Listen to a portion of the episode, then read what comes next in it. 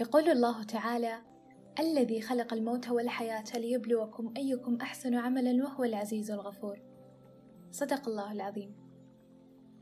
تعرف الحياة على أنها تجارب وعلى أنها فعل وردة فعل وتعرف بأنها دروس ولكل منا دروس خاصة تعطى له. لذلك حلقتنا اليوم مختلفة جدا. ليه؟ لأنها تجمع أصوات مشاركين مختلفين من أماكن مختلفة. يجمعهم جواب لسؤال ماذا علمتك الحياة؟ وزي ما يقولون تجارب المتقدمين مرايا المتأخرين. أنا سارة فيصل ويلا نبدأ. السلام عليكم ورحمة الله. مساء الخير. معاكم طالبة خيرية عبد الله الشهراني طالبة بكلية الحقوق جامعة الملك سعود. أنا جاني سؤال اليوم وش علمتك الحياة؟ أنا والله علمتني الحياة الأشياء الكثيرة لأني ماني بصغيرة في السن. أنا يمكن عندي أحفاد. الآن عندي أحفاد. فعلمتني الحياة أشياء كثيرة. وأهمها التوكل على الله. دائما أوكل كل أموري لله. أه ودائما أتفائل بالخير. مهما حصل لي من ظروف مهما حصل لي من عوارض في الحياة دائما أقول لعل في ذلك خير. فالحمد لله. علمتني الحياة أني ما أتردد عن مساعدة أي شخص سواء كنت أقبل هذا الشخص أو لا أقبله. والحمد لله لقيت في طريقي من سخرهم الله لمساعدتي. بفضل الله ثم فضل أني ما ترددت يوم من الأيام لمساعدة أي إنسان مهما كان الضغط عليه.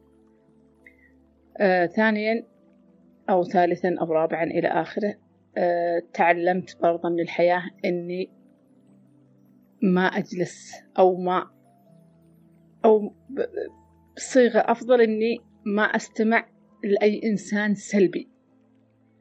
يبث السلبية في حياتك أو إنه يحطمك أو دائما كل كلامه السلبي كل شيء يتكلم عنه سلبي في سلبي السلبي خلاص يكرهك في الحياة يحط الدنيا كلها أمامك سوداء. فدائما أتجنب هذا الإنسان السلبي. وحتى لو اضطريت إنه بيكون قريب مني يعني ما أقدر أتجنبه أحاول إني أتفائل وآخذ الأمور اللي هو دائما ينظر إليها بسلبية أنظر إليها بالتفاؤل. أه علمتني الحياة مهما قالوا مهما قرروا الناس قراراتهم على شخص لكل إنسان رأي أه أذكر من أيام مراحل الدراسة إنه دائما يكونون البنات يقيمون أو إنهم يقولون الدكتورة هذه أسئلتها صعبة الدكتورة هذه أسئلتها سهلة. بالعكس أنا إذا شفتهم اتجهوا إلى أي دكتورة وقالوا إنها صعبة أو أسئلتها صعبة بالعكس أنا أختار الدكتورة هذه. ليش؟ لأنها هي درست نفس المادة ووصلت إلى ما وصلت إليه معناته إن الأسئلة والمادة اللي هي تجاوزتها أنا أكيد بتجاوزها. ليش هي مخها عبقرية؟ صح إن نحن يعني نتفاوت في القدرات لكن مهما كان الإنسان قادر يص... أن يصل إلى أي نقطة هو حددها يقدر يصل لها. ولا ما كانوا وصلوا أغلب الناس إلى هذه النقطة وتعدوا. دائما علمتني الحياة دائما أن أحط لي هدف وأن أحط لي حلم وأن أؤمن بالله إن هذا الحلم بيتحقق. وإن أسعى إلى هذا الحلم وأحققه حتى لو بعد مرور السنين. أنا كنت أحلم. أول ما تزوجت كنت أحلم وكان شبه خيال إني أكون طالبة في جامعة الملك سعود. والحمد لله تحقق هذا الحلم حتى ولو أنه جاء متأخر بعد عمر الخمسين. فالحمد لله على كل حال. حبيت أني أشارككم أجزاء مما علمت من النقاط اللي علمتني إياها الحياة.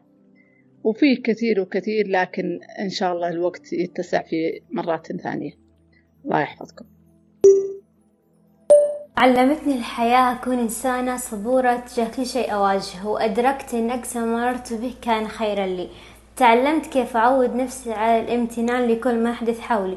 أن أكون ممتنة لنعم الله. أن أخاف من أثر كلماتي على الآخرين. إن لم تداوي فلا تجرح وأن التلطف في الرد يبني قصورا من الود. وزرعت في نفسي قانون السبعين عذرا. أحسنت الظن بمن أعرف وبمن لا أعرف لأن له تأثير عظيم بنفسي وأخيرا علمتني الحياة أن الاعتراف بالخطأ قوة. وأن الاعتذار مو بالضرورة ضعف. علمتنا كيف نكبر بعين أنفسنا ونكون واعيين وأن أقدس نفسي بعيدا عن كل شيء. علمتني الحياة أنني كلما تقربت من الله كلما ازددت علما ونفعا وطمأنينة وحبا للحياة ولذاتي. وكلما ازددت أيضا ابتسامة وإشراقة وأبتعدت كل البعد عن البؤس والشؤم والحزن. وأنه أصبح لدي قلب مطمئن لدرجة أنه لم يعد يعنيني أي أحد في هذا الكون لا الأشخاص ولا الأحزان ولا أتعلق بأحد سواه. أيضا علمتني الحياة أن غضب والدي علي في طفولتي ما كان إلا حبا وخوفا. وكذلك علمتني الحياة أن أغلب الأشخاص لا يستحقون العطاء والتضحية والتنازل. ولكن كونك تعطي وتتنازل وتضحي فأنت إنسان طيب ومعدنك أصيل. كونك تعطي ضع في ذهنك أن عطاءك للأجر وليس لأن تحصل على شكر وثناء ومدح. وشكرا جزيلا لكم. السلام عليكم ورحمة الله وبركاته. أنا أمجاد طالبة جامعية تخصصي علوم الحاسب وأود أن أنقل لكم من بحر التجربة قطرة بعنوان ماذا علمتني الحياة. نشأت في قرية صغيرة بعالمي الصغير وأناسي القليلين. مرت سنين وأتت سنة الصف الأول الابتدائي سنة جديدة وهنا تكمن الصعوبة. أن تكوني أكبر إخوتك. وأبوك وأمك أميين لا يجدون القراءة والكتابة؟ نعم لا أنسى دعمهم لي ماديا ومعنويا لكني كنت أريد من يشد على يدي لأرسم حرف ولأكتب جملة. ذكريات رائعة قصتي هنا تكمن وهنا بدأت وهنا هي الأجمل. عندما كنت أبكي لأجل رسم حرف الألف بخط مرتب وجميل مثل خط معلمتي. لا أنسى كيف كانت صفحة التاء منقطة بالدموع. ولماذا؟ لأنه ليس جميل كما تكتبه معلمتي. هنا عشقت الخط وأصبح محل اهتمامي. فكنت آخذ دفاتر قديمة وأقلد خط أي شخص يعجبني. راجية أن يصبح خط خطي مثله. سورة الفاتحة. لا أنسى كيف رقصت وفرحت بحفظها. وكأنني أمتلك كنزا ثمين وبالفعل هي الكنز. من هنا بدأت أرسم لوحة حياتي بقلمي البسيط رمادي اللون. المميز هو أنني كنت كل تجربة أنا أول من يخوضها. لا يوجد أحد ينبهني ويعلمني ويساعدني لخوضها. كنت أنا من يساعد نفسي للإملاء. كنت أنا من يسمع لنفسه الأناشيد والآيات. كبرت ورفعت نفسي بنفسي. وضعت عتبات الأساس. هنا عشقت الإلقاء. بدأت أمارسه من الصف الرابع الابتدائي تقريبا.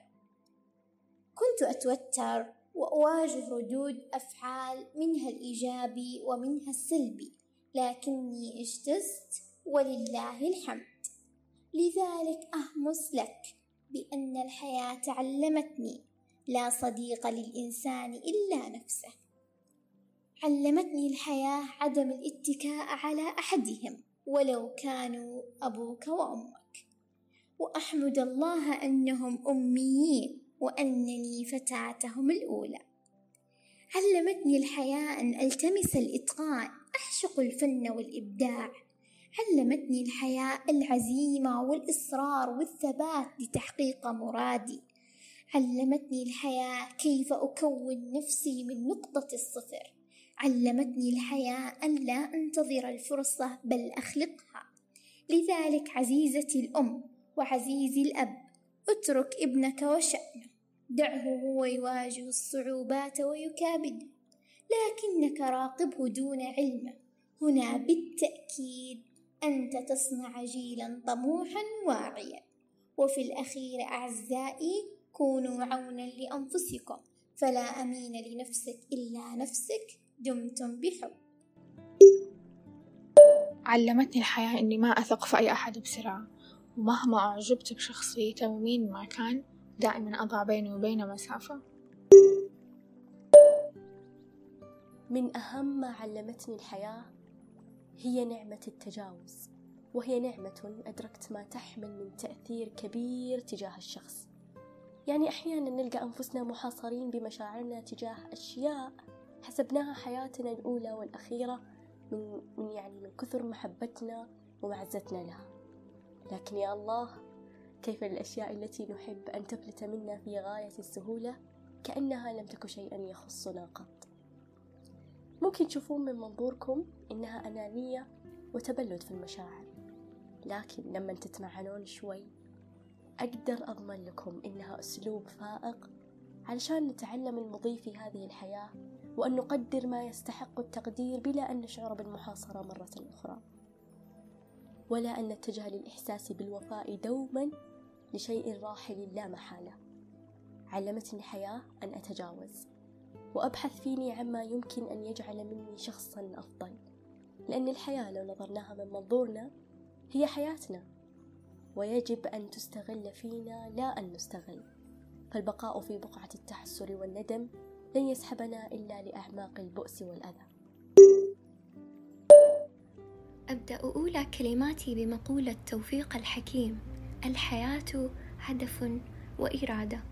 علمتني الحياة إذا كنت تحب السرور فاعتني بصحتك وإذا كنت تحب السعادة فاعتني بخلقك وإذا كنت تحب الخلود في الحياة فاعتني بعقلك وإذا كنت تحب ذلك كله فاعتني بدينك.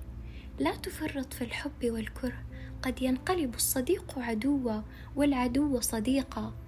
انصح نفسك بالشك في رغباتها وانصح عقلك بالحذر من خطراته وانصح مالك بالحكمة في إنفاقه وانصح علمك بإدامة النظر في مصادره.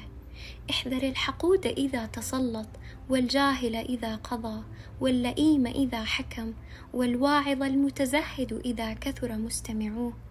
لكي يحبك الناس افسح لهم طريقهم. ولكي ينصفك الناس افتح لهم قلبك. ولكي تنصف الناس افتح لهم عقلك. ولكي تسلم من الناس تنازل لهم عن بعض من حقك. العاقل من يرى فيما يقال عنه تنبيها لأخطائه والأحمق يرى فيها محض إيذائه. إذا اجتمعت إلى حكيم فانصت إليه. وإذا اجتمعت إلى عاقل فتحدث معه. التجارب تنمي المواهب وتمحو المعايب وتزيد البصير بصرا والحليم حلما وتجعل العاقل حكيما والحكيم فيلسوفا وقد تشجع الجبان وتسخي البخيل وقد تقسي قلب الرحيم. بعض الناس تسمعهم وتتمنى صحبتهم ولو في النار فإذا خبرتهم كرهت صحبتهم ولو في الجنة. يقولون أرح فكرك لتشفى ومعنى ذلك ادفن نفسك لتسلم. إياك ومصاحبة المغرور فإنه إن رأى منك حسنة نسبها إليه وإن بدت منك سيئة نسبها إليك. من خانك في صداقتك فقد أراحك من عبء واجباتك نحوه ومن فرط في صحبتك فقد أراحك من التفكير في أمره ومن كذب عليك فقد استخف بوعيك.